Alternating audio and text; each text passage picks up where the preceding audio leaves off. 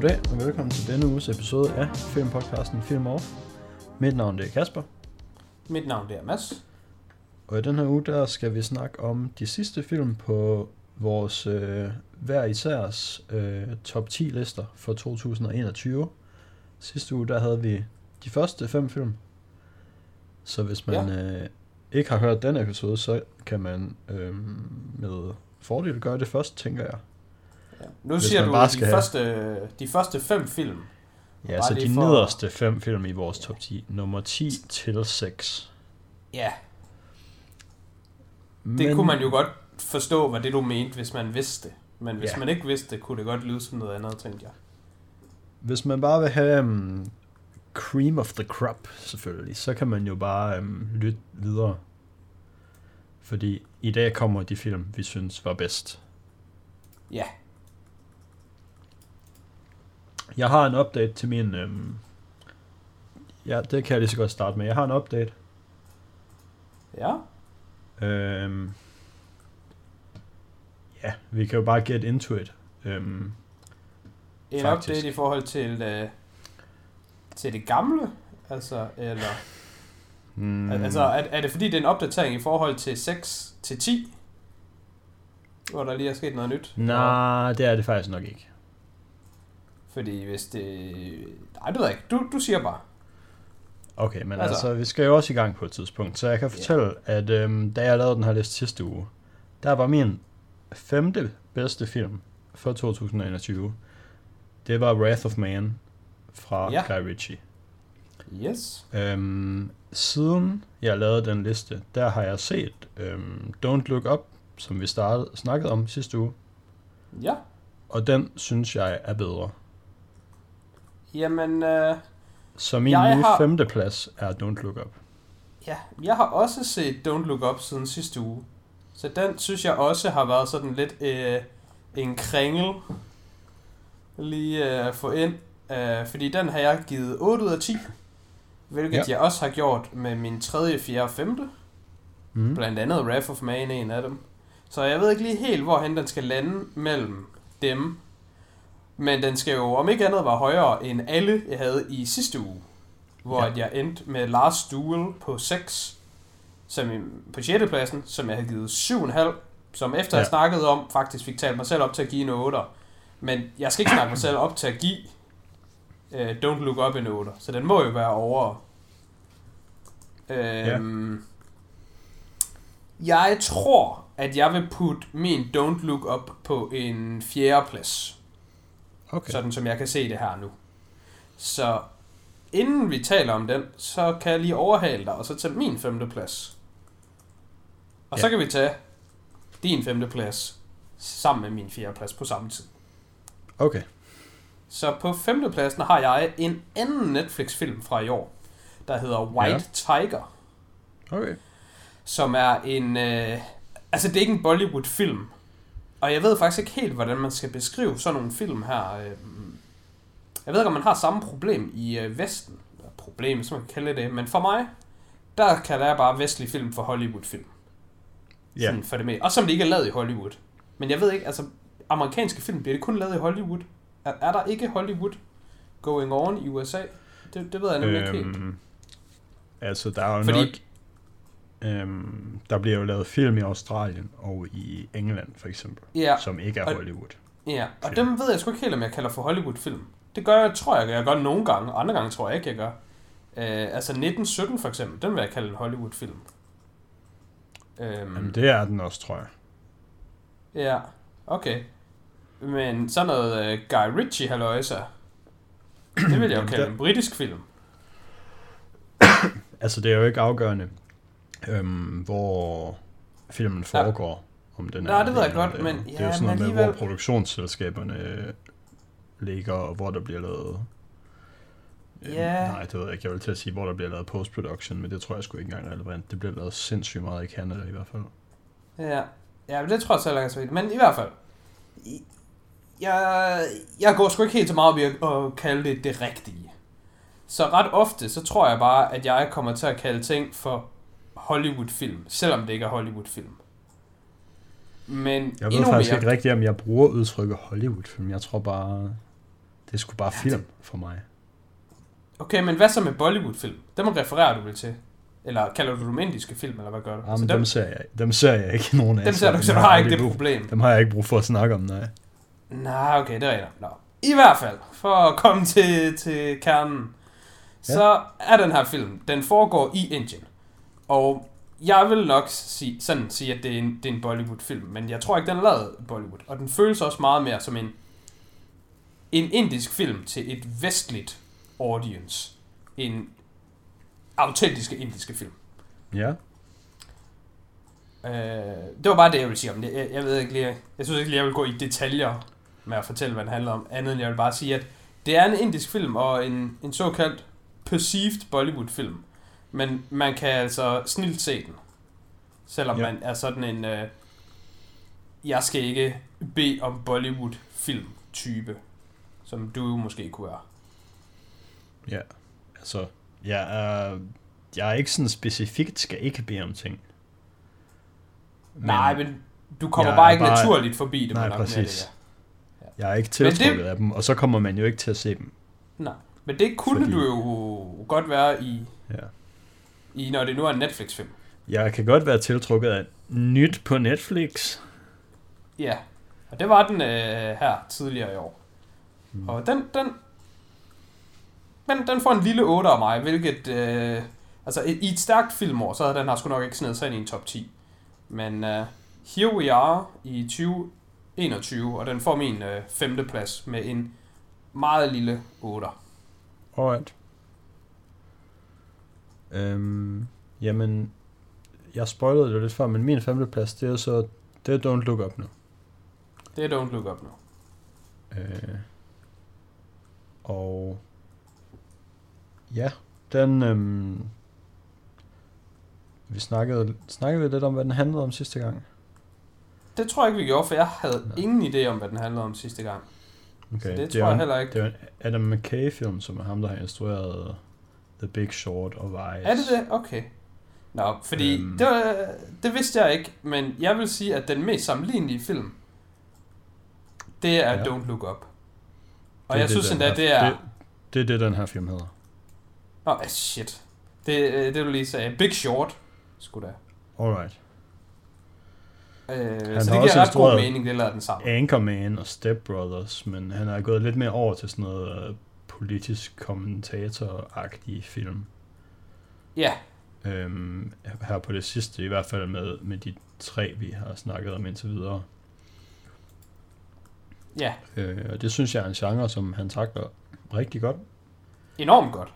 Øhm, nu er jeg ikke amerikaner, så jeg ved ikke, hvor præcis nogle af dem er. Jeg synes, Vice var rimelig spændende, men altså, der er der en chance for, at den ikke er sådan sindssyg øh, tro mod virkeligheden. Det Ja. skal jeg ikke kunne sige. Noget, som jeg så netop føler er vigtigt at øh, nævne nu, hvor du bringer det op tro mod virkeligheden, det er, at i modsætning til de andre film, der Ja. Don't Look Up er jo ren fiktion. Øh, Ja. Eller i hvert fald sådan føles 99-98% ren fiktion. Den, den er ret inspireret af nogle virkelige personer, som den så trækker ind. Der er nogle karakterer, hvor det er sådan meget tydeligt, øh, den her karakter er baseret på en virkelig person. Øh, Ja, eller altså på Meryl nogen Streeps karakter for eksempel, hun er jo bare en kvindelig Donald Trump. Ja, lige præcis. Øh, men jeg synes faktisk endnu mere, eller endnu tydeligere, at hun er en kvindelig Donald Trump. I den forstand, at Jonah Hills karakter sådan virkelig bygger øh, hende op til at være sådan Trump-agtig. Mm. Øh, men, men de er jo selvfølgelig to sider af samme mønt. Mm. Ja. Den, ja, den handler jo så om, øhm, ja, det, det kan være lidt spoiler, hvis man er sådan en total no spoilers guy, men det jeg kommer til at sige nu, det er noget, der sker helt i starten, og det står også, hvis man læser om filmen nogen som helst steder. Den handler om de her to øh, astronomer, som øh, opdager en stor meteor, der kommer til at ramme jorden meget snart, og så er det ligesom op til dem at få prøvet at råbe øh, diverse politikere og medier og sådan noget op til rent faktisk at dække det og få folk til at tage det seriøst. Ja. Øhm, Og det er jo som bekendt ikke virkelige hændelser. I hvert fald, øh, hvis det er, så er det ikke lykkedes for dem, fordi at vi har ikke hørt noget om det endnu. Men øhm, det føles ekstremt meget som øh, virkelige hændelser. Øh, med den, den måde, den... alle karaktererne øh, behandler det på. Ja, det er jeg nemlig øh, meget enig i. Altså, det, det, og, det er ikke en ja. virkelig historie, men den øh, føles som noget, hvor det er, at hvis det, der sker i filmen, sker i virkeligheden, så kunne det godt være sådan her, du udspiller sig. Ja, og det hele virker også, øh, det er jeg rimelig sikker på, det her er tilfældet, i hvert fald. Det er ikke fordi, at jeg skal lade som om, jeg er mega klog, fordi jeg har regnet det her ud, fordi at det er bare meningen. Men det hele virker som en meget um, on the nose Corona. analogi for um, climate change. Okay. Fordi jeg synes, den, altså, den har også lidt... Der, der ved jeg nemlig ikke helt, om, om det er mig, der bare putter noget nutidigt ind i den med corona. Fordi hvornår filmen blev lavet, og har de kunnet ændre lidt. Men altså selvfølgelig er der uh, climate change ind over den. Men jeg synes også, den har uh, sådan en corona-pandemi element til sig. Men det kan jo godt være, det er Det bare tænker jeg faktisk det... ikke rigtig over overhovedet. Øh, Nå, okay. Men det kan godt være, at det var fordi, jeg bare... Altså, jeg havde bare det andet ind i hovedet, så det var det, jeg så. Ja, men den, men den er alt meget... Det der med, nu er, der nogle, nu er der nogle kloge forskere, som har regnet ud, hey, hvis vi ikke gør noget ved det her inden for et eller andet kort stykke tid, så bliver jorden ødelagt. Og ja det prøver de at forklare til Gud og hver mand, men alle de er bare sådan, psh, vi, vi venter bare lidt, ah, kan, vi, kan vi tjene nogle penge her, bla bla bla. Der Jamen, er ingen, synes, der, der ret... gider at gøre noget. Noget, jeg synes, der var ret fedt ved det, det var... Øhm, altså til at starte med, så er man jo sådan lidt... Høj kæft, hvor er de bare dumme. De gør nok nogle røvehuller. Hvorfor tager de ikke det her seriøst? Og det er jo mega langt. Altså, du er jo 100% på Leos og øh, Jennifer Lawrence's side, fordi det er dem, der er dine hovedpersoner, og du har ligesom set det, de har set og sådan noget. Så når de er inde og pitch ja. tingene til præsidenten, og de bare sådan ikke tager det seriøst overhovedet, der er man sådan lidt, what the mm. fuck, hvorfor tager jeg det ikke seriøst, det skal jeg sgu da alle mulige ting. Men så, jeg ved ikke lige, hvornår senere der er, men sådan lidt senere, så siger Jonah Hills karakter så, at er du klar over, hvor mange øh, eksistensudryddende øh, trusler, vi har haft de sidste halvandet år, mens vi har siddet i øh, The Office. Og så, det synes jeg, det, det sætter et ret godt perspektiv på, at når ja, altså, hvis du er præsident, eller sådan inden for det felt, og der bare er nogen, ja. der kommer til dig en gang om ugen med, ah, okay, det her, det her, det her, det her, så bliver du lidt nom over for, at det kan godt være, at Leonardo DiCaprio, han står og siger, det her det er pisse seriøst. Ja, det er godt nok seriøst. Uh, her var det seriøst. Men det, jeg synes, der gør filmen enormt god, det er det her emne, som den jo tager op. Det er så svært at rumme, synes jeg, sådan for, yeah. for et men. Altså, det er lidt ligesom øh, man siger i sådan inden for øh, matematik, at chancen for at vinde i lotto, den er så lille, at man har med så store tal at gøre, at menneskehjernen er ikke skabt til at forstå sådan nogle tal. Altså 100, 100 det er ret meget, og 10.000 det er et rigtig yeah. højt tal og en million, en million det er altså et højt tal, Kasper, men sådan noget, 400 milliarder, det er så stort et tal, at vi mennesker kan ikke helt forstå det. Vi tror, vi kan forstå det, men det er svært ja. at forstå. Og på samme måde har jeg det sgu på samme måde med sådan at, at blive udryddet. Ja. Altså, det der med ikke at kunne tage det seriøst, det, det, det synes jeg er, er meget troværdigt. Det, det er sgu svært at tage jordens udryddelse seriøst er måske det forkerte Ja, altså ord, det er der jo ikke nogen, der men... har lyst til at tro. Nej, men det er også bare svært at begribe, synes jeg. Altså det, det er nok mere det ord, jeg leder efter. Altså at begribe det. Det, det er sådan ret svært, ja. synes jeg. Så, så det, var også ligesom meget bare lige for at sådan at adressere, at jo, selvfølgelig er... Øh, de er jo ikke skurkene her i, men dem, der ligesom er, er skurkene, så at sige. Selvfølgelig er de dumme og alle de der ting, men jeg synes faktisk ikke, at det er så slemt. Altså, de, jeg synes ikke, de er dumme på, på en dårlig måde. er, er måske det, jeg prøver at sige. Jeg kan, jeg kan godt lide det modspil, de får, mm. Mm. fordi jeg føler, at det er realistisk. Ja, altså, det er realistisk. Jeg synes dog, det er realistisk, at de er dumme. Jeg synes, de er dumme, men det kan de godt bare være, fordi det er folk sgu i virkeligheden. Ja, ja, men det er også det. Men øh, dum og ignorant er jo sådan to sider af samme mønt. Altså, det er jo ikke helt, helt det samme, at være dum og være ignorant. Ja, ja, men Og det, er ofte, det går ofte hånd i hånd. Det går ofte hånd i hånd, men der er også en ting, man må anerkende, at jo, for eksempel sådan en som Donald Trump, det kan godt være, at han er dum, men mm. han er alligevel blevet præsident i USA. Altså, du kan ikke, du kan ikke være total bankelam, og så blive præsident. Altså, der skal lidt til. Så kan man kalde det held, så kan man kalde det alle mulige ting, sådan i kombination med hinanden. Men du kan ikke bare være 100% kan ikke binde din snørebånd dum. Og så end med, med så meget succes. Det tror jeg i hvert fald på. Men du kan stadigvæk godt være Nej. ignorant. Og Det er med det sagt, så, så det jeg synes, der er sådan... Jeg ved ikke, om det redder filmen. Fordi øh, jeg ved ikke, om Ja. filmen havde behov for at blive reddet. Men noget, der var rigtig vigtigt for mig, Mm. for at filmen netop var så god, som den er, der er, at filmen, den, den turde være øh, sådan tro hele vejen igennem. Og nu kommer der så mm, større spoiler. Så nu er folk advaret. Men slutningen, Jamen, synes jeg, kan var, Også... Ja, okay, okay. var det, der Jeg gjorde, kan jo ikke sige, hvad den slutter med. Ah, det er rigtigt. Okay. Men, men den måde, den sluttede på, synes jeg gjorde, at filmen var god. Og jeg sad op til flere gange og tænkte, Ja. ah, jeg, jeg håber godt nok ikke, at de lige gør det på den her måde, som man godt kunne forestille sig, at de ville gøre det på. Men det gjorde de ikke. Ja. De gjorde det på den gode måde. Så kan jeg sige det på den måde. Jamen, du den enig? tror jeg godt, man kan forstå, hvis man har set filmen. Ja, Ja. jeg er enig. Godt nok. Og det var ikke sådan, at det var 100% clear. Øhm. Det talte vi også lidt om sidste gang med The Last Duel. Jeg kunne nemlig godt se filmen gå lidt begge veje. Men jeg tænkte sådan, ah, jeg håber, den går den her vej, og det tror jeg også, den gør. Men filmen kunne gå den anden vej. Og den, den drysser sådan lidt in the mix med, at, at begge dele er, er realistiske udfald, så at sige. Ja. Apropos The Last Duel, så har jeg sgu ikke fået set den endnu. Nej, altså den er heller ikke det fantastisk god. Men, Nej, nej, men jeg havde jo forventet, at den måske kunne snige sig på min top 10, og det har jeg jo ikke fået øh, bekræftet. Nej, det, det er selvfølgelig Øhm, rigtigt. men, men Don't Look, Don't Look Up, det var også din nummer 4. Det var min nummer 4, så nu kan vi komme Eller til dit. Og jeg har, der er lige en ting, jeg lige skal have skud fra Don't Look Up. Jeg skal lige, lige, lige give et skud ud.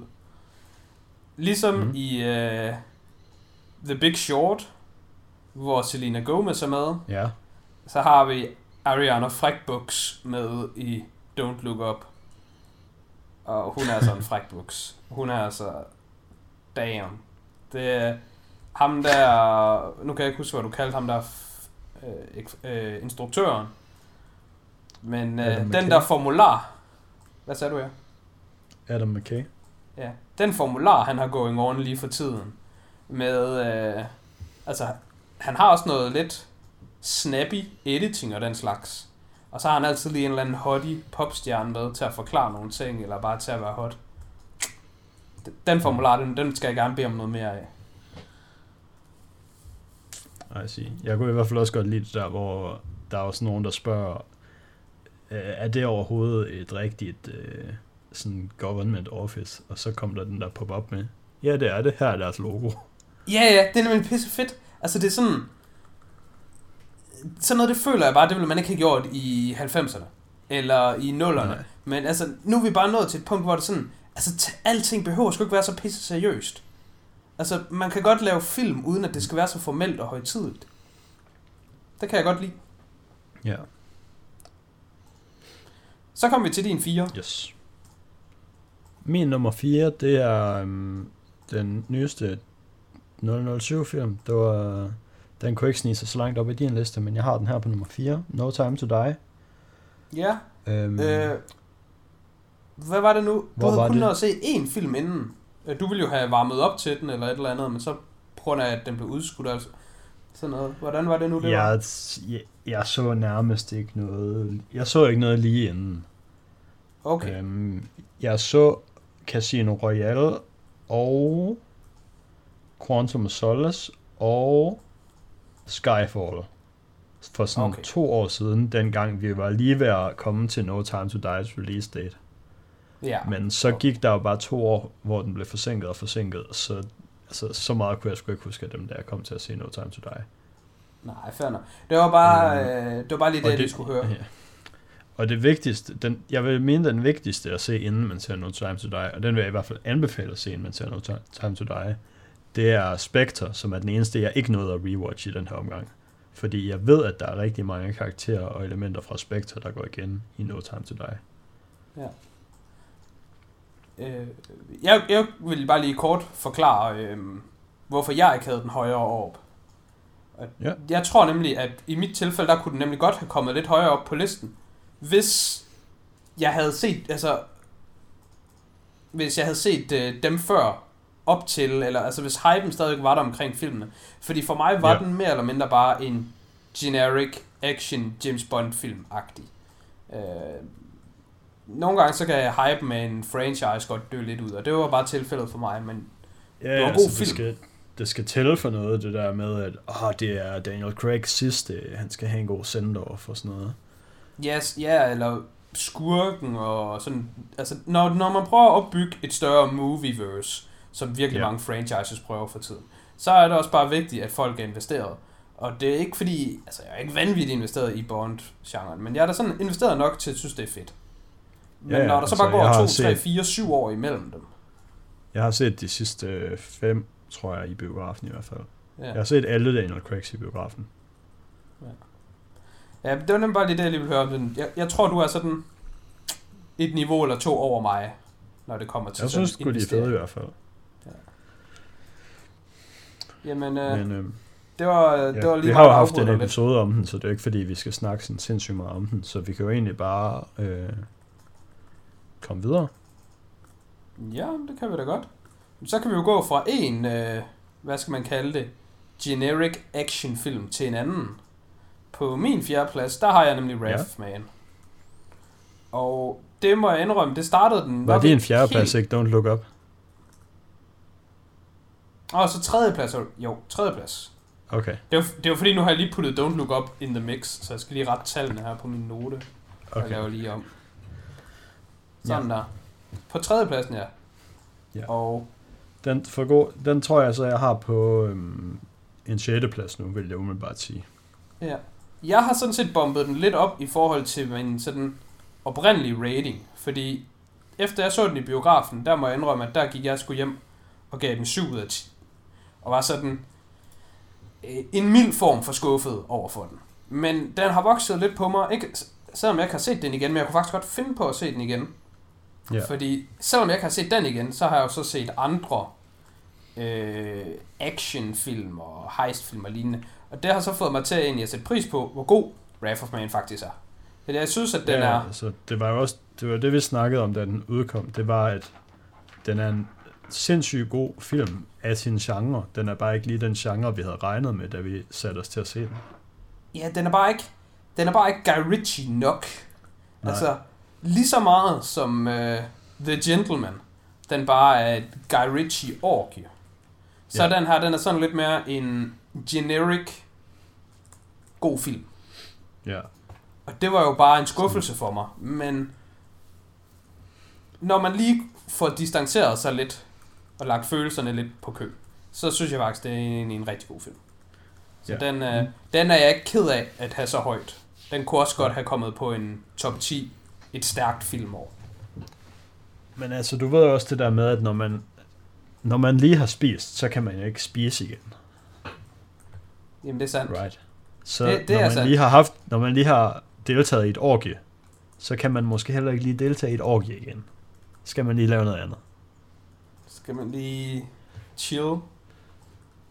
Jamen, det kan være. Jeg troede, det var noget andet, du skulle sige. Jeg troede, du skulle til at sige, at når man lige har spist, så er man måske ikke så sulten. Så det kan være, det er derfor, at øh, når man lige har set filmen, så tænker man, ah, den var sgu ikke god nok, men når man så får lidt afstand, så kan man godt se bagefter, at den egentlig var okay. Men jeg ved heller ikke, om den analogi giver mening. Men øh, jeg er jo efterhånden også kendt for, at mine analogier ikke giver mening her på podcasten. Ja, man skal have nogle meninger, der ikke giver mening engang. Men,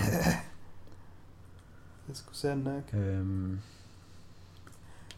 Men vi har haft Wrath of Man jo, så igen, der er den sådan lidt... Skal man tale om den? Jeg, jeg giver den lige et skud. Jeg giver den lige en kort... Hvad hedder det? Ja. Uh, kort resume for lytterne. Ja. Det er en Jason Statham-film, hvor Jason Statham, han skal røve en... Er det en bank, eller hvad fuck er det, de røver? ja, det er jo sådan et Armored Truck Depot. Ja. Og så er der nogle ting, der går godt, og nogle ting, der går galt, og noget back and forth.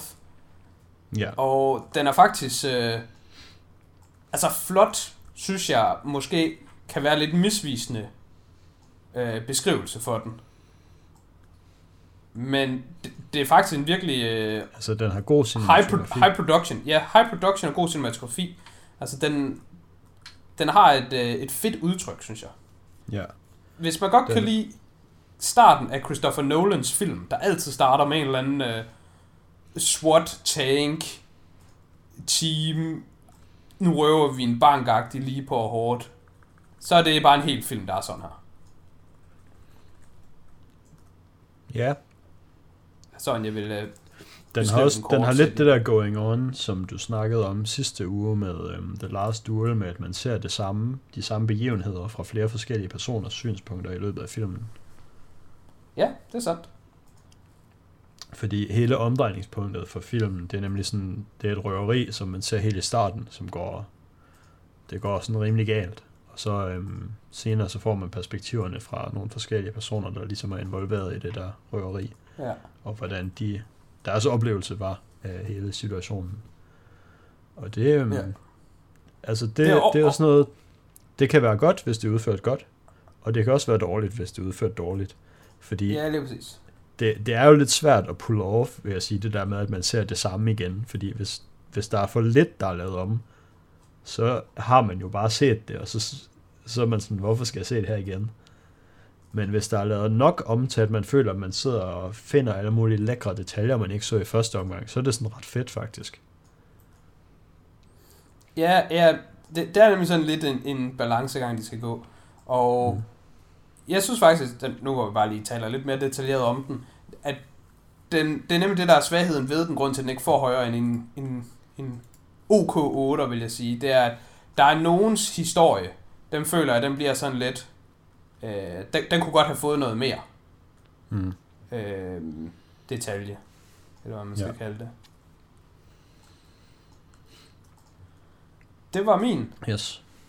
Tredje plads. Tredje plads, ja. Min tredje plads, det er um, Shang-Chi, som jeg okay. helt sikkert øh, udtaler forkert. Der var meget i filmen med, hvordan man udtaler det rigtigt, og det kan jeg selvfølgelig ikke huske. Mm, Det Øhm. overrasker mig lidt, den er så højt, men øh, det er da Ja. fedt nok. Men øh, Så du den i biografen? øh, nej, Okay. det gjorde jeg ikke. Fordi fucking nordisk filmbiografer vil ikke vise Disney-film. De vil ikke bukke under for musen. Jeg bliver fucking sindssyg. Ja, det er også lidt... Øh, det er sgu mildest talt for dårligt. Det, øh, det, det er skød at være en biografkæde, og så ikke have adgang til Marvel-film. Ja. Men uden at kende detaljerne, så tror jeg også godt, at jeg kan være lidt på nordisk films side og være sådan...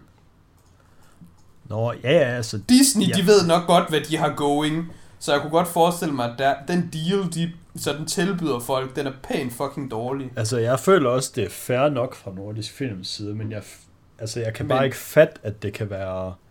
Som, Øh, i som deres consumer bedste- er man jo ligeglad.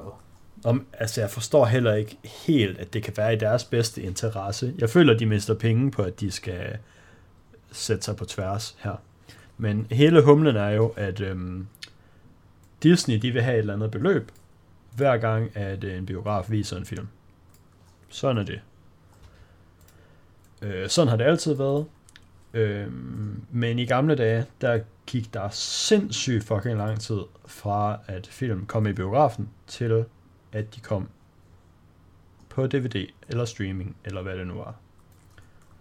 Så når øhm, Nordisk Film havde givet et eller andet beløb for at få lov til at vise øh, en film fra Disney, så havde de eksklusive rettigheder til at vise den film i måske tre måneder eller sådan et eller andet. Ja. Nu har Disney så lavet det om til, at film kommer øh, et eller andet sted mellem halvanden måned til samtidig på streaming. Og det beløb, de vil have for at vise en film, det skulle bare det samme, som det var før. Ingen ændring der. Det er bare en til en. No change. Ja, det er selvfølgelig... Og det synes Nordisk Film ikke er så fedt, fordi at hvis de skal give, I don't know, nogle millioner for at få vi, lov til at vise Shang-Chi, så tror de måske ikke, at de kan tjene deres penge tilbage, hvis 90, eller hvis en god del af dem, der kan se den, bare ser den på streaming derhjemme på samme Ja. dag. Ja, der, der er jo to ting i det som minimum. Der er sikkert flere ting i det, men jeg kan godt se, at problematikken er jo både... Altså et, det med, at streaming eksisterer. Det gør jo, at der vil være nogen, der bare fravælger at se filmen. Og bare være sådan... Vi, øh, vi ser den bare på stream. Så der er allerede kunder, der forsvinder der. Og så taler man jo også nogle gange om, hvor, hvor meget øh, legs en film har. Ja. Og om ikke andet, så kan man sige, at For folk, der ikke er de, så, har, de har en form for deadline der. I forhold for til, folk, der ikke er så, så box office interesseret, så en films legs, det betyder, hvor lang tid efter den er udkommet, folk bliver ved med at gå ind og se den, mere eller mindre. Ja. Hvor lang tid den er i biograferne, og hvor lang tid folk tager og ser den i biograferne. Ja. Men Nogle gange så er der jo bare film, der bare kommer i biograferne, og så efter to uger, så er de fucking gone. Ja, så man, Ja. ja. snakker om, hvor, man snakker tit om, hvor meget øhm, film tjener i deres øh, åbningsweekend og åbningsuge, og så derefter så, hvor lang tid, hvis de bliver ved med at tjene penge i lang tid efter, så siger man, at den har stærke legs, strong Ja. legs. Ja, så den er bare i biografen i lang tid. Ja, og det er, jo, det er jo vigtigt at have den type film. Afhængig af, Ja. hvad betalingsmodellen er. Hvis betalingsmodellen nu er sådan, at hver gang, at du viser filmen, så skal du betale en procentdel, så er det jo lidt ligegyldigt, om du har den i lang tid eller kort tid. Så betaler du en procentdel. Men hvis du betaler et stort beløb up front, så er det jo meget vigtigt for dig, at okay, Ja. så har vi content i en måned eller ja. mere. Men jeg tror, jeg tror, det er begge. Jeg tror, man betaler noget up front, og så betaler man også for hver showing. Ja. Øhm, Så overordnet set, der vil jeg give dig ret. Altså, det, ja. det virker lidt svært at tro, at det ikke er i deres bedste interesse. Bare at acceptere, at musen bestemmer. Ja, og så tjener de selvfølgelig mindre per gang, men øh, hvis det der beløb er så højt, at de slet ikke kan tjene penge på de her film, så, så fatter jeg ikke. Altså, Ja, spørgsmålet så er jo fatter bare jeg ikke, sådan, hvad Disney laver. spørgsmålet er jo bare sådan om, de tjener jo nok penge. De tjener bare færre penge end før, men Mm. altså, de tjener stadigvæk penge på det. Og så husk på, at de kunne måske bare have andre film i, i salen, de kunne tjene flere penge på. Så er man sådan lidt tilbage i, er det bedre at sælge noget ofte med lav avance, eller øh, sælge noget en gang imellem med høj avance? Ja. Nu har jeg Jeg jo ikke- slet ikke adgang til biograferne, så jeg er selvfølgelig sådan semi-ligeglad. Jeg er faktisk bare glad for streamingtjenester, de er vundet så meget frem, som de er. Øh, Men Ja. jeg synes, det er lidt halvunderligt at tænke på, at Jeg er så Altså, det der- fucking rasende, fordi Nordisk Film i Aalborg har lige lanceret sådan et, øh, nu kan man se uendelige film hver, hver måned for 200 kroner, og det ville jeg sindssygt gerne betale, hvis bare jeg kunne få lov til at se alle de film, jeg gerne vil. Men halvdelen eller sådan noget af de film, jeg gerne vil se, de kommer bare ikke i biografen i Aalborg, fordi at det er nordisk film, og de kan ikke blive enige med Disney. generelt er det bare ret træls som... Øh, altså, man har en rigtig træls følelse som øh, forbruger, når man har fucking cash in hand, og vil købe et produkt, og man går hen Mm. til firmaet og siger, hej, jeg har nogle penge, I kan få for jeres produkt, og så er firmaet Ja. bare sådan, nah, your money's no good here, sir. Ja, Det føles også som om, at det burde aldrig kunne ske. Det føles som om, de burde altid være interesseret i, yes, transaction, det er det, vi er her for. Mm. Øh, men også, den, der er nemlig også bare film, som man ikke måske lige skulle tro er Disney-film, men de skulle bare stadigvæk distribueret af Disney. For eksempel var der, jeg er rimelig sikker på Last Night in Soho, det er også en Disney-film, teknisk set. Mm. Så det kan være hende der, Anya Taylor-Joy. Det, det, hun hedder? Ja, Hun er en øh, Disney-prinsesse nu. det tror jeg ikke. Ah, okay. Men det er fordi, de har sådan noget øh, Searchlight eller sådan noget pictures, som de udgiver film under, Ja. som ikke er børnefilm. ja, altså Disney ejer jo bare sindssygt meget. Disney har i hvert fald et studie, der kan distribuere film, der ikke skal distribueres under Disney-banneret. Ja, Men for at komme tilbage til Shang-Chi, så synes jeg skulle bare... Øhm, jeg synes, den var god. Jeg synes, øh, hovedpersonen var sindssygt likable. Øh,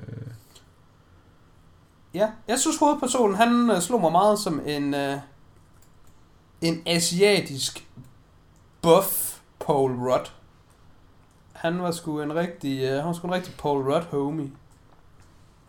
Jeg Ja. ved ikke lige, hvorfor det var det, jeg tænkte. Men det var det, jeg tænkte, jeg så den. Så jeg kan også godt lide hovedpersonen. Ja. Men han var godt nok... Øh, han var buff på en lidt skør måde, synes jeg. Jeg ved ikke, om det er sådan noget, du lægger mærke til. nej, Det kan godt være, det kun er mig. Han var meget... han var meget, øh, han så meget blød ud af, af, sådan det ord, man vil bruge inden for bodybuilding. Mm. Øh. Men jeg kunne godt lide ham som, øh, som, som skuespiller der i, men han, han lignede måske den der Marvel-kur, han har været på for at blive buff. Den, øh, den har været lidt underlig. Hmm. Men altså, alle mennesker, de har jo forskellige reaktioner over for fucking roids. Hvis vi alligevel bare taler rundt om, øh, hvad Disney de har fingrene i, så øh, synes jeg også, at det er på sin plads at kritisere dem for de der Marvel-film, der alle skuespillerne der i, altså de kommer jo bare på en eller anden påtvungen roid-kur. Så ham der, øh, hvad hedder han? Ham inderen, der skal være med i Eternals. Ka- Camille et eller andet. Øhm, Ved du, hvad man taler om? ja, Han ser i hvert fald øh, mistænksom ud på kort tid, er bare hvad jeg vil sige. Kumail Nanjiani. Ja. Altså, det synes jeg, Jeg det blev, sådan lidt bare, lamt. jeg, jeg blev helt thrown off, at du sagde, at der skal være med i Eternals, fordi Eternals har jo, den kom jo for et fucking halvt år siden. Eller sådan noget. Nå, var han med i den? Er det en anden, han skulle med i så? Nej, nej, han er med i den. Okay. Den er da ikke kommet på øh, Disney Plus endnu. Nej, den er ikke på streaming endnu. Ja. Ej, det er heller ikke et halvt år siden, det, men det år. Det var i starten af november, tror jeg. Så det er sådan to måneder siden. Okay. Lamt. Men jeg har heller ikke set den endnu, nej, fordi... Som Fordi- om. Tilbage til det samme. Ja. Nej, du skal have lov til at tale om uh, Shang-Chi, hvis uh, du lige vil knytte en kommentar eller to.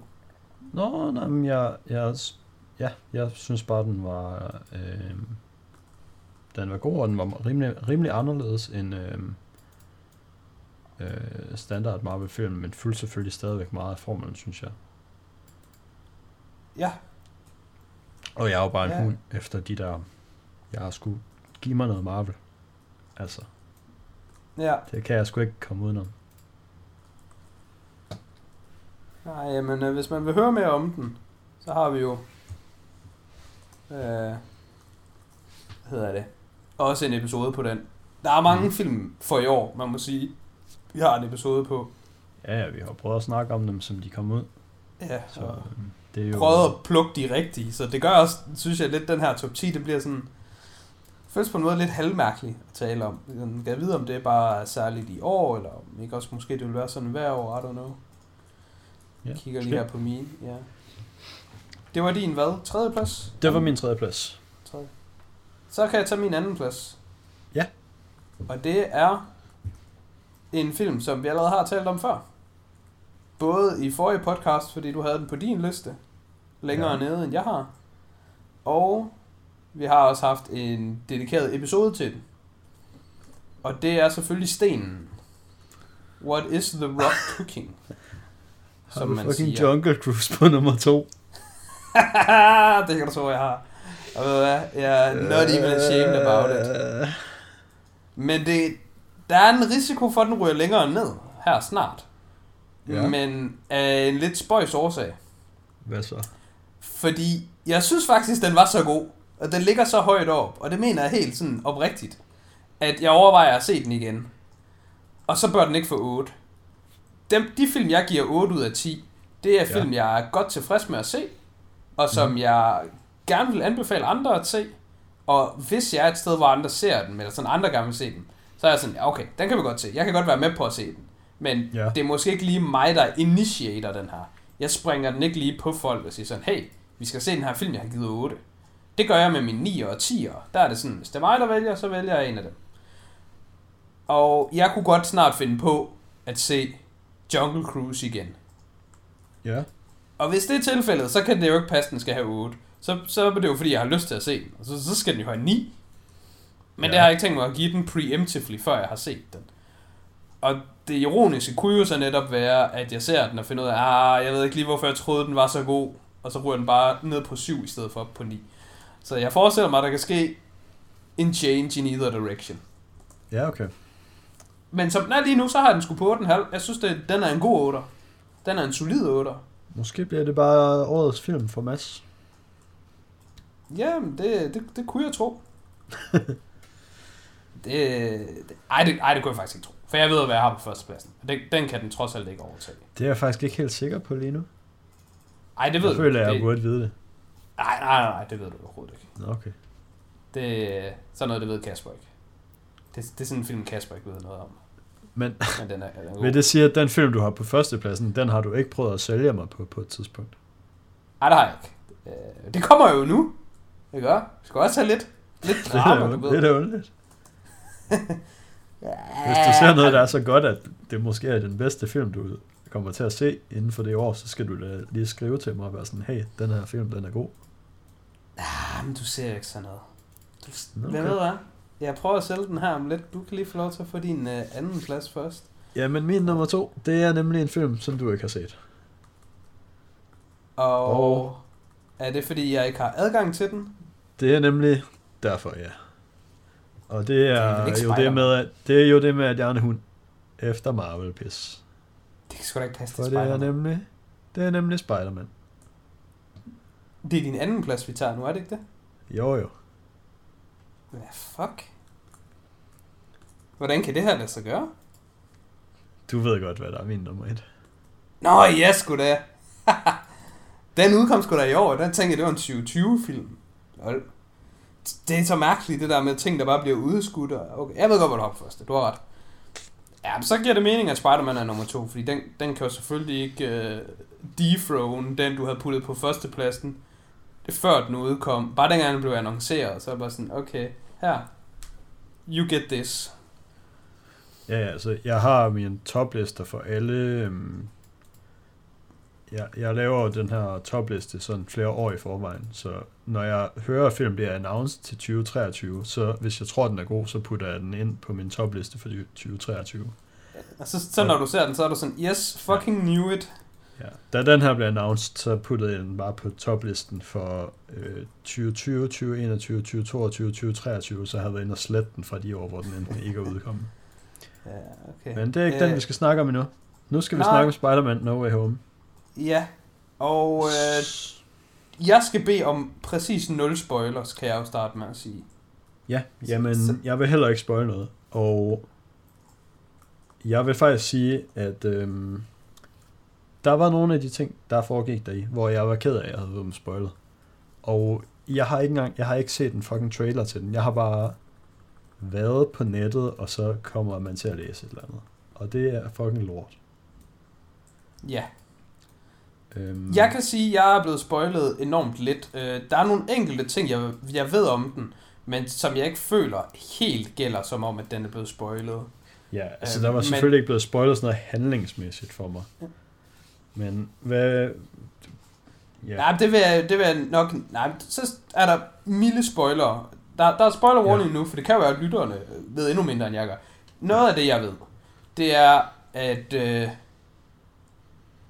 jeg ikke ved, men der var jo ligesom øh, rygter om, at... Øh, jeg sgu ikke, om rygter rigtigt, men man Jeg havde... synes faktisk, jeg vil, jeg vil lige sige, hvis man ikke...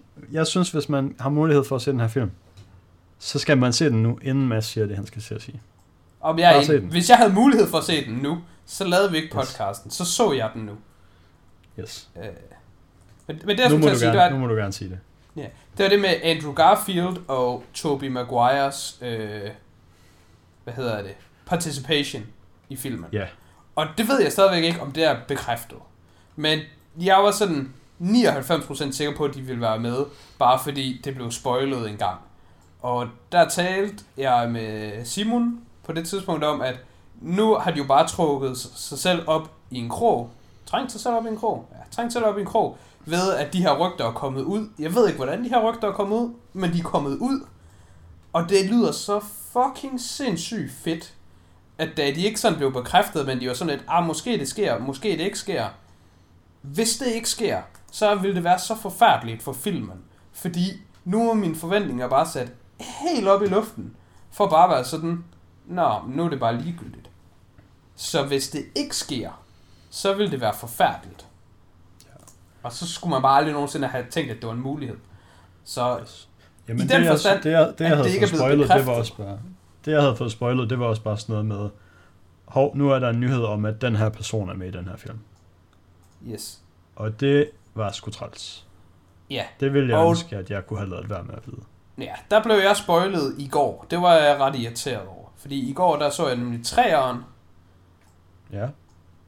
Jeg, jeg tænkte nemlig, nu hvor vi ikke rigtig kunne tale om dem, så jeg har lige set uh, Spider-Man 1, 2 og 3 med Tobey Maguire. Jeg tænkte, at når du nu vil uh, nævne den nye Spider-Man, for den kommer selvfølgelig på din liste, så synes jeg, jeg vil stoppe dig og sige, hey, vent, den kan jeg ikke tale om, for det har jeg ikke set og jeg har ikke lyst til at tale om den.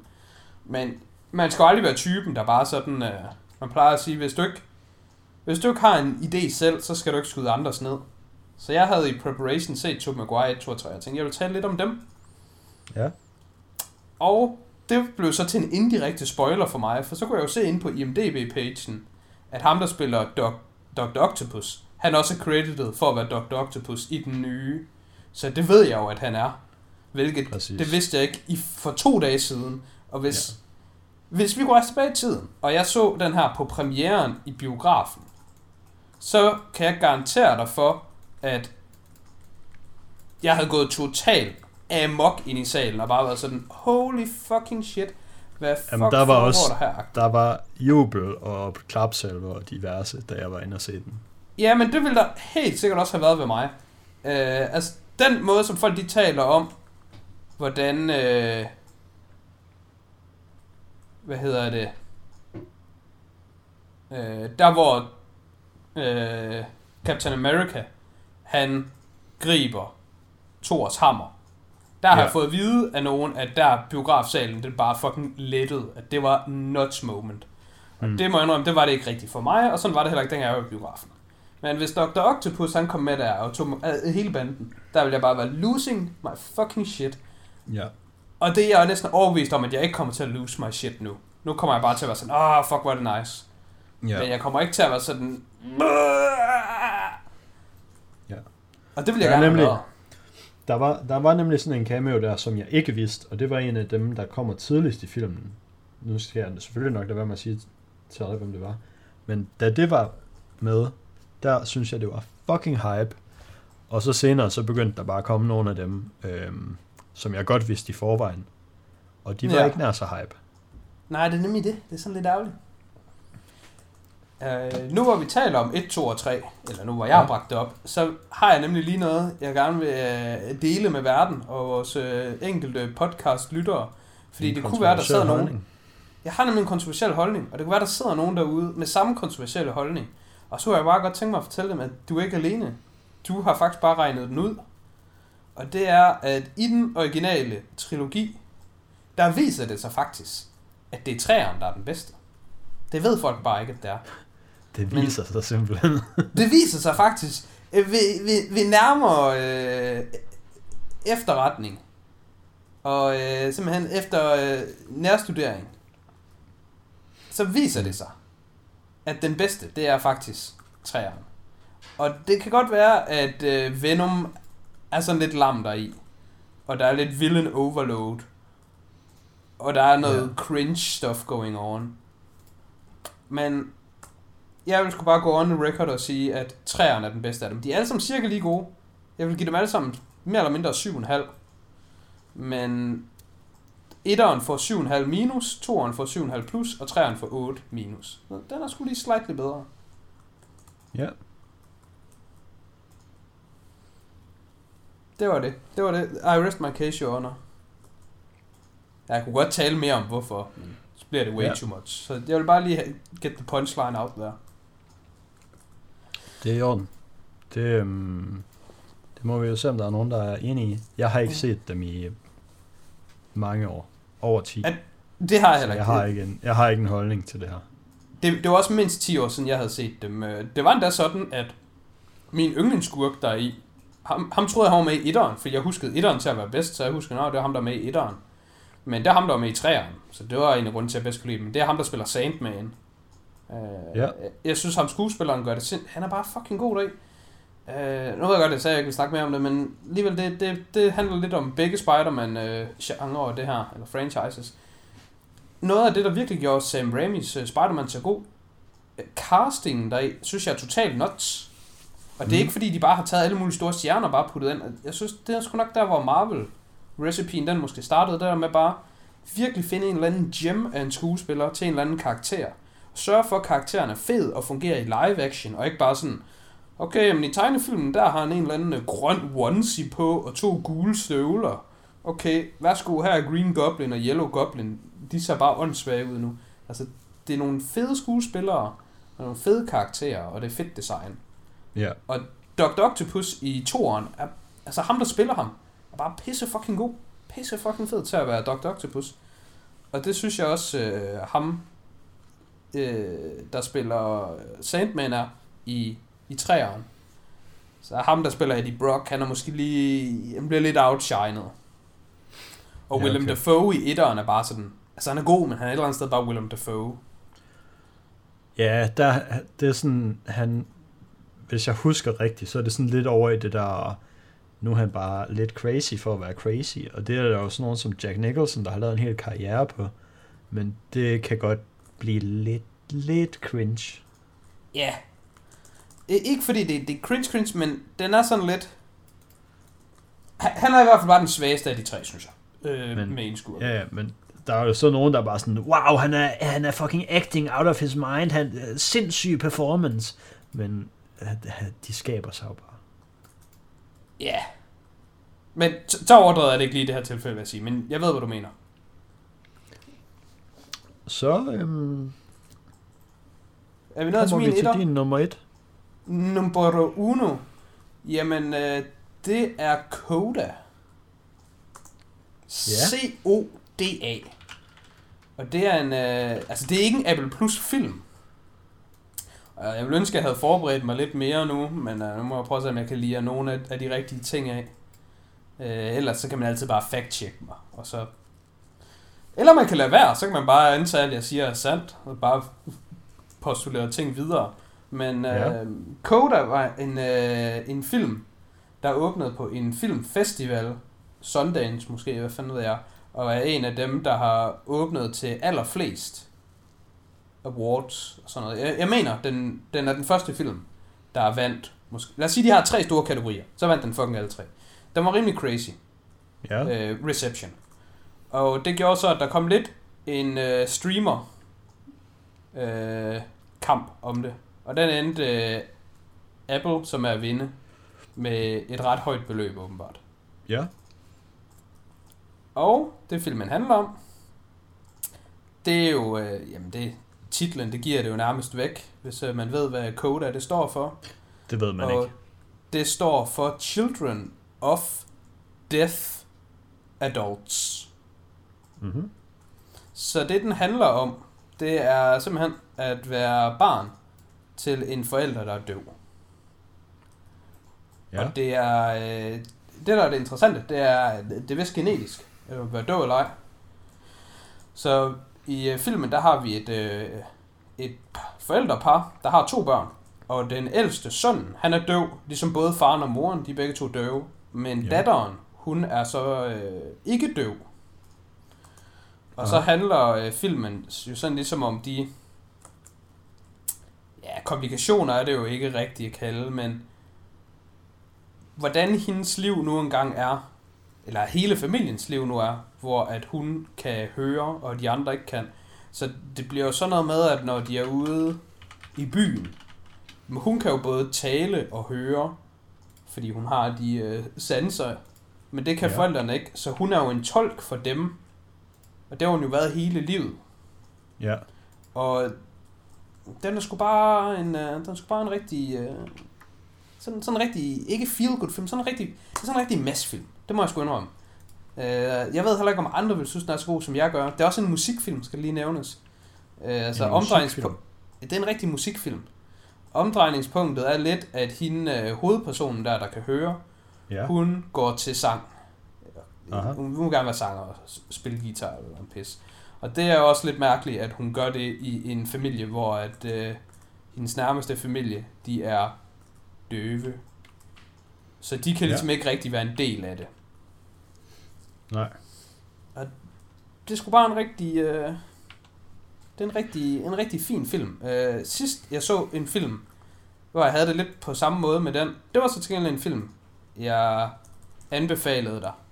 Det var sidste år, og den snes også op på min 2020 bedste film liste. Hmm. Nu lige to sekunder, jeg finder lige min liste, så jeg kan sige, hvilken en den kom på. Men kan du huske filmen Clouds? Nej. Nå, men det hedder den film. Og den kom på anden pladsen. Jeg havde den som den anden bedste film sidste år. Ja. Og øh, jeg synes, den her den minder meget om Clouds. Og jeg kan rigtig godt lide den stemning, øh, filmen sådan har. Det er sådan rigtig... Okay, nu Det er ikke hyggeligt op. Jeg kan godt huske, du snakkede om den. Men øh, det er... Ja, det er sgu bare en film, der virkelig overraskede mig. Den der øh, Coda. Ja. Men det jeg, er det, meget overraskende. det er ikke en film, jeg vil... Øh, jeg vil ikke pådutte den alle netop, fordi jeg ved også, det er sådan en film. Jeg synes, den er rigtig god, og jeg tror rigtig mange vil sådan enjoy den. Men jeg ved også, at jeg giver den mindst et eller to gratis point, bare fordi det er en af de sådan genrefilm, jeg får mest enjoyment ud af. Jeg skulle Ja. bare, det er... Den lyder jo lidt som øhm, Sound of Metal, som jeg menes at huske, at den var du et sted mellem at hader til ikke at kunne lide i hvert fald. Mm, nej, Nå, okay. passer ikke. Jeg, øh, jeg tror, jeg var sådan OK på Nå, okay. Sound of Metal. Nu kan jeg da lige slå den op. Jeg tror da, jeg har givet den sådan en, en OK 6'er. Nej, det er løgn. Jeg har givet den en OK 4. Jamen, så er man ikke så meget Jeg mener nok, det var sådan noget. Okay, ja, jeg synes også, Riz Ahmed er rigtig god, så det kan være derfor, jeg, jeg husker lidt mere positiv, end hvis jeg genså den og ligesom blev refreshed. Men jeg kan fortælle dig, de to film er totalt forskellige. Fuldstændig forskellige i stemning. Ja, ja, altså, Øh. det, det tror jeg gerne på, men det er jo lidt samme subject matter. Det er det, ja. Og den her Coda, den er sådan lidt mere en... Altså, den, den er en form for... Øh, hvad skal man kalde sådan... Emotional porn, kunne jeg sgu godt kalde det. Altså, det er sådan Ja. lidt... Det er sådan noget rigtig feel-good bait. Og det, det Rigtigt. skal jeg sgu ikke øh, være for fint til at kunne indrømme, at det er jeg bare en sukker for. Det er fair. Ja, man, man har jo ting, man er en sokker for. Det har vi jo alle sammen. Det ville være sindssygt kedeligt, hvis vi alle sammen bare synes præcis de samme ting var nice. Er det, er det din segue ind i, vi har alle sammen ting, vi sukker os for lige ind i dine etter? For Det den er i hvert fald... En, du er en større sukker for det, du har puttet på førstepladsen, end det jeg er, fordi jeg har puttet på min førsteplads. Det er helt Jamen, sikkert. øh, jeg er en øhm, jeg er en sokker for to ting. Og den første, det er Marvel. Og den anden, det er sådan noget øhm, storslået sci-fi, instrueret af Denis Villeneuve. Ja, Villeneuve. dreng, drengen Denis. Denis. Jeg ved ikke om... Og altså, han- han hedder jo nok Denis, gør han ikke det? Det gør han vel nok på dansk. Jeg tror, han hedder Denis. Det er fransk. Ja, der udtaler man jo kun sådan halvdelen af ordene. Han er fransk-kanadisk. Ja. ja, det ved jeg trods alt godt, for jeg har set den der Insidious. En, Som er en-. Insidious? Ja. Jeg tror også, jeg har set en film, der hedder Insidious. Så Ja, det er det er sikkert stadig rigtigt, det sagde. Ja, ja, og den har jeg set. Så pyha. Og det er ikke ham, der har instrueret den. Nej, men tænk hvis det var. Men ja, Incendies, den er hård at se. Ja. Lidt. Lidt for Og- mig, meget for nogen. Og øhm, det er ikke den, vi skal snakke om. Men, Og nej, øhm, det er det ikke. Der, han har også instrueret Dune, som ja, jo bare er en øh, filmatisering af en øh, kæmpe sci-fi klassiker, et af de værker, som mange nok vil kreditere som værende sådan øh, baggrund for hele genren på samme måde, som Ringes Herre har været det for moderne fantasy, så er der sindssygt mange ting i moderne science fiction, der kan sådan trække sine rødder tilbage til Dune. Og jeg synes, det er en god bog, så jeg havde glædet mig sindssygt meget til den her filmatisering. Og jeg synes, Denis, han, øhm, han leverede noget, som jeg godt kunne sætte pris på. Ja, men han, det han leverede, det var øh, mindblowing. Han, han leverede noget... Jeg synes, at man med god ret godt kunne sige var over forventning. Også selvom ens forventninger var tårnhøje. Det er i Det hvert fald er- et, øhm, Det, Det det er noget af det mest er imponerende stykke et film. visuelt og øhm, lydmæssigt øhm, overflødighedshorn, kan man sige. Øhm, så hvis man går op i de ting, så er der virkelig noget at komme efter her. Øhm, og så er der jo det sidste element i enhver film, vil jeg sige, som er historien, og den, øhm, ja, den er jo som den er. Den, på, på samme måde som øhm, nogle andre af Dennis' film, vil jeg sige, at den ikke bevæger sig sindssygt hurtigt. Øhm, Der sker ting det meste af tiden, men man, man føler aldrig, det er rushed, og det er måske mere over i den anden grøft til, at tingene godt kan føles, som om de går lidt langsomt. Men man bliver hele tiden sådan ligesom spist af med, at øh, de ting, man får ind i sine øjne imens, er fuldstændig vanvittige, og soundtracket er virkelig godt. Så hvis man er til hele den oplevelse, så, øhm, så som jeg er, så er, så er helhedsindtrykket bare sindssygt godt af den her film. Og det er på samme måde, som jeg havde det med hans forrige film, som var øhm, efterfølgeren til Blade Runner, Blade Runner 2049, hvor han øh, også tog, øh, det er så ikke en, øhm, det er så ikke en bog, den kommer af der, men han tog i hvert fald og lavede sin fortolkning på et meget klassisk øh, science fiction værk. Ja. Men etteren, altså Blade Runner, den originale, den er. Ja. jo baseret på en bog. Så. Nå, ja, den er baseret på Do Androids Dream of Electric Sheep Yes. af Philip K. Dick. Ah, okay, nu sidder du bare og læser ting, eller hvad? Nej, Så du kan Philip K. et eller andet? ja ja. Okay. Syg nok. Jeg kunne nemlig kun det der Do Android Stream of Electric Sheep. Det er sådan en lille filmtrivia, jeg kan flex på folk. Fordi folk, der godt kan lide Blade Runner, der kan man lige springe på dem. Hey, ved du godt, den er baseret på en bog. Og det ved de nemlig aldrig. Så kan man bare være Ja. sådan, haha, du synes, den her film er god, og jeg ved mere om den end dig, så fuck dig, din lorteholdning. I bogen, der handler det meget mere om, at Harrison Fords karakter, øhm, han rigtig gerne vil have et får. Et ægte får. Fordi at ægte dyr er ekstremt sjældne. Ja. Øhm, Det jeg er har også faktisk noget ikke med- læst bogen. Det er noget med, at der findes en anden, eller hvis to andre versioner af filmen. Øh, en, en af filmene, der eksisterer, man vist godt kan se, det, den er meget mere narrated af Harrison Ford. Der er der virkelig meget fortællerstemme Ja. ja. indover. Ja, den er mere sådan klassisk noir-stil. Ja. Og så er der også en eller anden anden, som jeg kan ikke huske noget om den. Men jeg skulle mene, at der var, altså den, der blev released, og så er der den med rigtig meget narration, og så var der vist også en tredje version, der blev scrapped. Men den har nok heller ikke været helt færdig. Mm. Men uh, det kan jeg ikke lige huske på stående fod. Ja, altså så er der jo også bare sådan noget director's cut, hvor der er nogle flere scener med, og det er remastered og sådan nogle ting. Mm. Øh, men det ved jeg ikke, om man vil tælle som en, en version mere. Øhm, Nej, nok ikke. Jeg vil i hvert fald ikke. Men selvfølgelig, hvis man bare er en eller anden uh, BuzzFeed uh, clickbait journalist, så handler det bare om at, at tal, de skal være høje. ja. Men altså, jeg har også... Øhm, jeg har Dune og øhm, Spider-Man rated det samme. Øh, de er selvfølgelig... Øhm, de er selvfølgelig begge 10 ud af 10. Øhm, men jeg har heller ikke øhm, sådan gjort mig tanker om, at jeg synes, den ene nødvendigvis er sindssygt meget bedre end den anden. Dune er Nej. bare noget mere unik film, synes jeg. Fordi Spider-Man er trods alt, som vi snakkede om, det, det er en Marvel-film. Man ved tit, hvordan de er. Ja. Noget, jeg havde lidt øh, forberedt, en minimal smule øh, i, i podcastens øh, ånd, kan man jo Ja. sige, det er, hvis ikke vi havde fyldt tiden så meget ud, hvilket øh, vi selvfølgelig ikke har noget problem med alligevel, men så kunne man også have taget årets skuffelser. Øh, Ja, og der, der har jeg nemlig lige øh, en, jeg lige kan fyre afsted. For det har jeg jo i hvert fald slet ikke tænkt over, fordi det har du ikke øh, Nej, nej, det, det har jeg for ikke. Jeg kan da lige se, om jeg kan komme en. Men du kan sige din imens, så kigger jeg lige. Det har nemlig været Dune for mig. Fordi den var jeg godt nok bare sådan all about.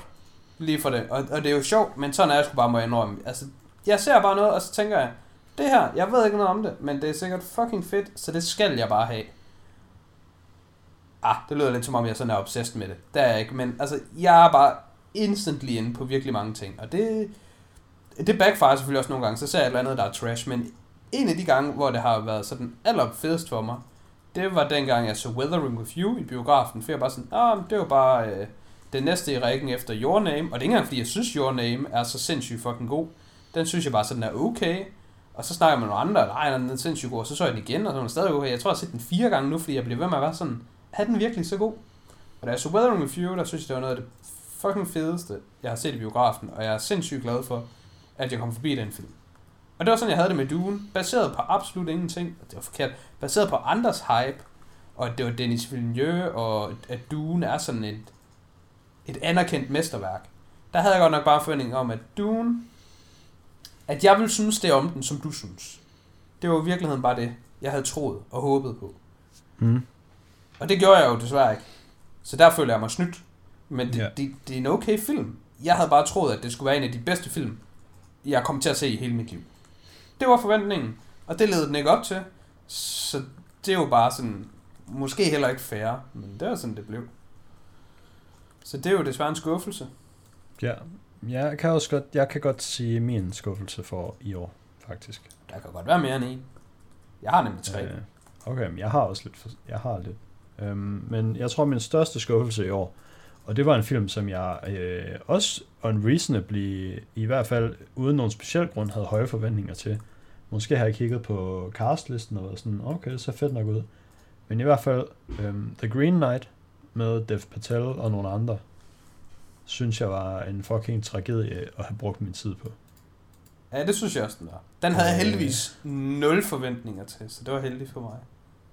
Ja, altså jeg, jeg vidste bare, at det var, det var Dev Patel, og der var med den som hovedpersonen, så er der sådan nogle andre, Alicia Vikander, øh, Joel Edgerton, de er sådan fede nok. Øh, og så vidste jeg, at den var baseret på noget øh, sådan Kong Arthur-agtigt mytisk. Ja. Jeg tror, jeg blev reddet af det, du blev fanget af.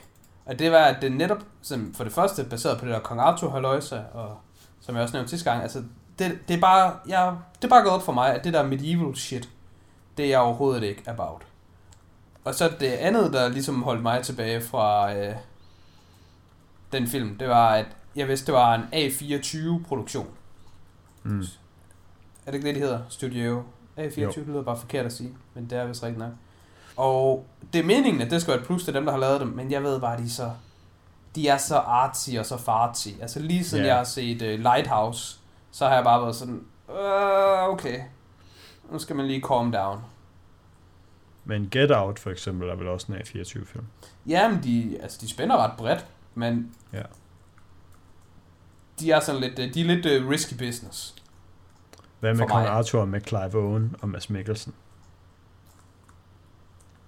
Øh, den har jeg ikke set, for det vidste jeg ikke, at det eksisterede, før du siger det nu. Men jeg kommer nok heller ikke til at se den. så, fordi så kan jeg jo bare sige det samme med de der medieval film. Det er sgu jeg bare... skulle lige se, om jeg kunne sælge dig på den. Ja, ah, Nej. King Arthur, det er Antoine Fuqua, der har instrueret. Ja. Det er ham, der har lavet Southpaw og The Equalizer-filmene. Det er da sådan okay. Og Så havde jeg også The en, Guilty øh, som er en af mine andre skuffelser for i år, faktisk. Ja, den er nemlig at også en skuffelse. Ja, men det var den, jeg skulle til at tage. Okay. The Guilty, det var sgu en skuffelse. Så var det en Baseret- sindssyg segway at lave op til dig. Ja, baseret på den bedste danske film nogensinde. Med fucking min dreng Jake i hovedrollen. Og så var den bare sådan en film, hvor hvis jeg havde set The Guilty først, så havde jeg bare sådan, ja okay, altså det var da interessant nok koncept, det var da sådan fint nok. Okay, øh, det var det.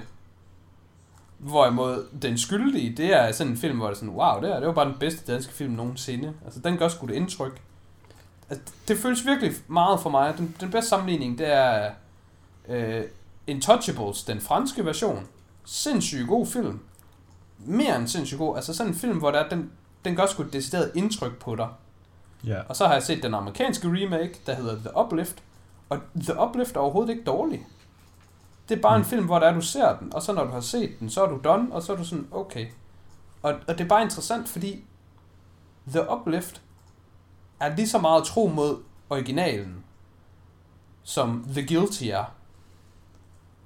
Og selvom Ja. at det jo egentlig er en, er en ret... Altså, jeg synes, det, det er gode adaptations. Det er bare som om, de mister noget af magien.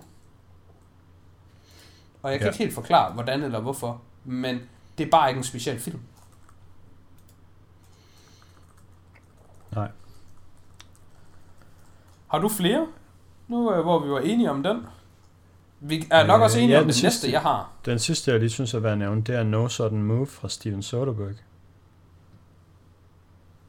Ja, den tror jeg, har vi haft haft den på podcasten, for den tror jeg måske, jeg har set. Ja, ja, det har vi. Okay. Det Fordi er den- ham, der har instrueret Oceans-filmene og Logan Lucky. Ja, men jeg kan godt huske, vi har snakket om den. en, skulle være kommet en ny lækker øh, film med fucking Don Cheadle, Benicio Del Toro, David Harbour, John Hamm, Brendan Fraser. Nå ja, det var den. Det var den, og ja. så var den, Det var det. og så var den sgu bare kedelig. Altså, Ja, det var sådan Ja. en film, der var øh, film, der var sådan høj production value, godt cast, øh, god instruktør, umiddelbart til den genre, øh, men den var sgu bare kedelig. ja. Nå, men det er sandt. Den havde jeg så ikke nogen forventninger til, fordi den, den så vi bare, det du bare var sådan, hey, vi skal se den her til podcast, og sådan, ja, det skal vi, fuck ja, det skal vi da. Ja. Og så var det bare sådan det, men, men der var ikke rigtig nogen optakt til den fra min side. Nej. Men i, i lignende kategori, så havde jeg selvfølgelig enorm op, øh, jeg havde sådan en forventning til Guy Ritchies Wrath of Man, Ja. og den var sgu bare going nowhere, da jeg så den, synes den. Synes jeg. Men det har jeg så turned back around og var sådan, nah, okay, måske jeg lige skulle komme down til. Ja. Og ellers så den øh, sidste film, det der faktisk var inspirationen til den her liste, Mm. det var, jeg så øh, Encanto, eller Encanto, eller hvordan man skal udtale det, den nye Nå, Disney-film. Ja, den har jeg ikke set. Kom, øh, og den tænkte jeg, det er sikkert sådan en rigtig øh, Coco-agtig film. Og Coco synes Ja. jeg er vanvittig god. Og Encanto, den var bare dårlig. Mm. Den var bare sådan, ikke engang, ikke engang middel. Den var bare sådan, altså den er sindssygt flot, Ja. og den var ikke lang tid, men det er faktisk et minus, den ikke var lang tid, fordi man er sådan, nå okay, slutter filmen nu? Okay, I, I guess, at I bare er ligeglade med filmen, fordi den er jo ikke slut. I har bare slukket for den, virker det som om, altså dem, der har lavet den. Ja. Det virker bare som om, de var ligeglade med den. Bare de løb tør for spolebånd og var sådan, okay, thank you, come again. Mm. Så det var virkelig en skuffelse, for den havde jeg godt nok regnet med, at jeg skulle... Øh, igen sådan en, den der slags musikfilm, der skulle bare en hund efter. Ja. Og så var den bare sucks. Det var... Det var lige den. Ja. Altså, jeg har talt lidt mere om det, hvis, øh, hvis Nej, vi ikke var godt op i tiden, men det er vi jo, så det nu vil jeg bare lige give Det, det er vi jo. name and plejer. shame. Ja. Men øh, det, jeg synes også, det er fint nok, så kan lytterne jo også få lidt, øh, hvad man skal undgå, kan man sige. Selvom sådan noget Ja. er umuligt i min erfaring. Min erfaring er, hvis folk har sat sig for at se en film, så kan Ja. du ikke fortælle dem, at nej, den er ikke god. Jeg har oplevet så mange gange, at folk har været sådan, Åh, oh, jeg skal se, øh, oh, den der The Devil All The Time inde på Netflix, uh, Tom Holland og uh, det er sgu ham, der er Robert Pattinson, det er sgu da den, vi skal se, mand. Og så sagt, Ja. nej, den er faktisk bare dårlig, den skal du ikke se. Så, for, Havde så du set den, før jeg så den? Øh, måske. I would think yes. Måske ikke. Hvorfor? Er det relevant? Nå, men altså, jeg, jeg sad bare lige og prøvede at se, om jeg kunne huske, om du havde prøvet at tale mig fra at se den. Jeg ved, altså, jeg, jeg ved slet ikke, om, om, om du ville se den, eller om du ikke ville se den. Jo, jo. Hvis jeg, jeg forsede den der på, pod, på podcasten. Åh, så så, okay, så tror jeg godt, jeg kan huske det. Så tror jeg, jeg så den. Inden du overhovedet. Altså, da du ville have den på podcasten, der tror jeg allerede, jeg havde set den. Og sagde, Mm. at den er ikke god, men jeg har allerede Mm. set den. Så lad os bare tale om den. Sådan Okay. husker jeg det i hvert fald.